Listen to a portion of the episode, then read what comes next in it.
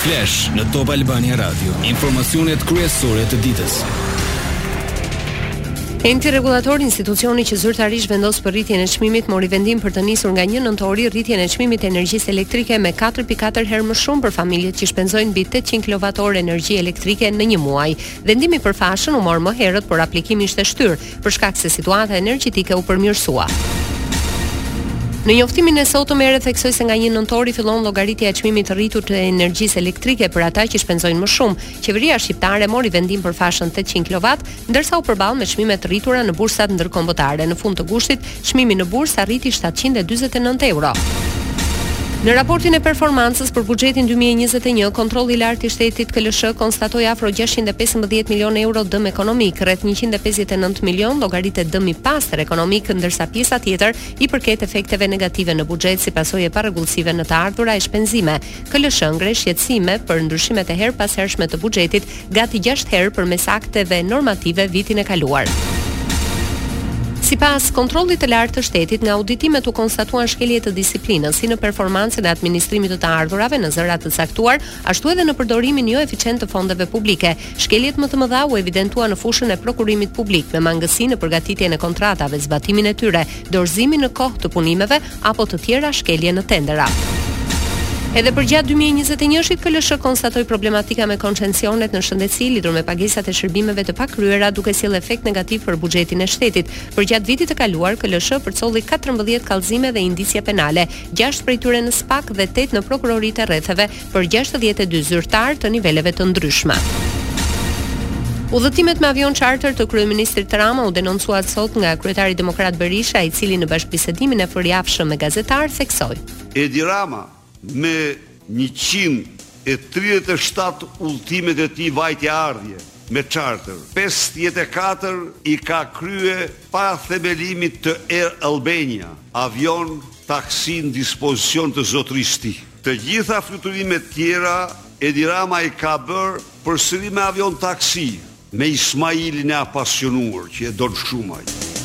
Berisha i kërkoi Ramës të japë dorëheqjen. Shqiptarët nuk mund t'ia falin kurrë këtë abuzim që shkon të paktën sipas llogarive të fundit në njëzet e dy milionë euro.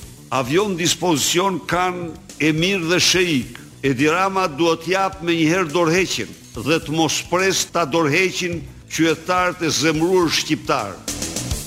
Në përgjigje të këtyre akuzave, kryeministri Rama tha. Kthehem pak te ajo taksia ime. Është e vërtetë që qysh prej vitit dy mijë e njëzet, kur ne morëm presidencën e OSBE-së, kemi bërë një marrëveshje me Air Albania, unë si kryeministër i kushtoj taksapaguesve shqiptarë, të cilëve hiena non grata ju qan hallin, po të krahasojmë vit me vit, pra dy mijë e njëzet e një-shin me po marrim dy mijë e dhjetën, i kushtoj taksapaguesve katër herë më pak kosto udhëtimi.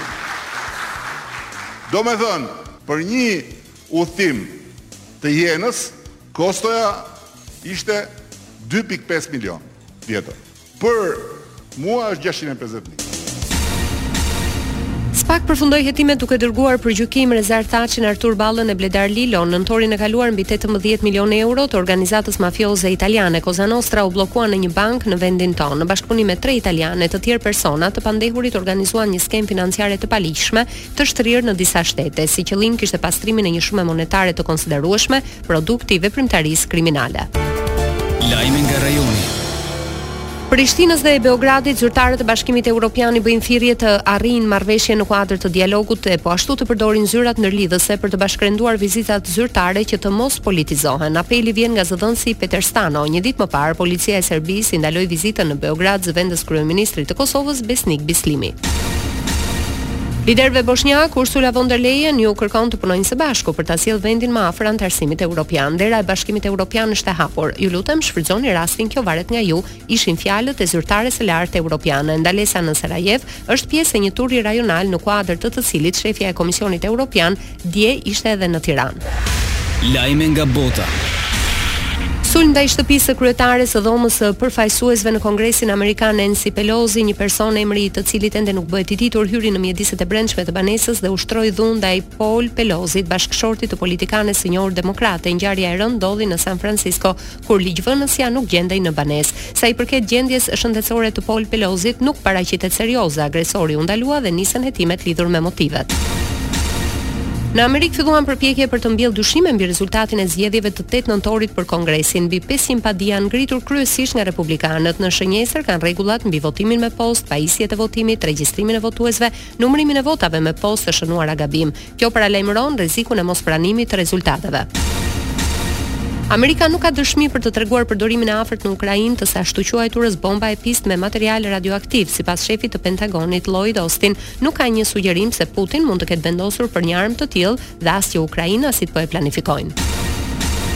Saga u mbyll kontrollin e Twitterit e merr Elon Musk duke i dhënë fund pasigurive dhe përplasjeve për numrin e saktë të llogarive të rreme. Njeriu më i pasur i botës siguroi kontrollin pasi mbylli marrëveshje në vlerë dyzet e katër miliardë dollarë. Themeluesi i Teslas menjëherë dëboi disa prej drejtuesve të lartë duke konfirmuar edhe mbylljen e akordit. Sport.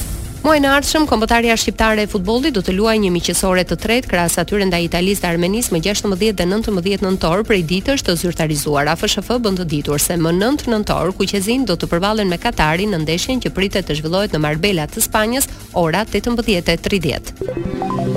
Parashikimi i motit. Krahas dominimit të kthjellimeve në pjesën më të madhe të vendit, pasditja sjell vranësira më të dendura disi më të theksuara në verilindje dhe juglindje të territorit. Temperaturat variojnë nga gjashtë në njëzet e shtatë gradë Celsius.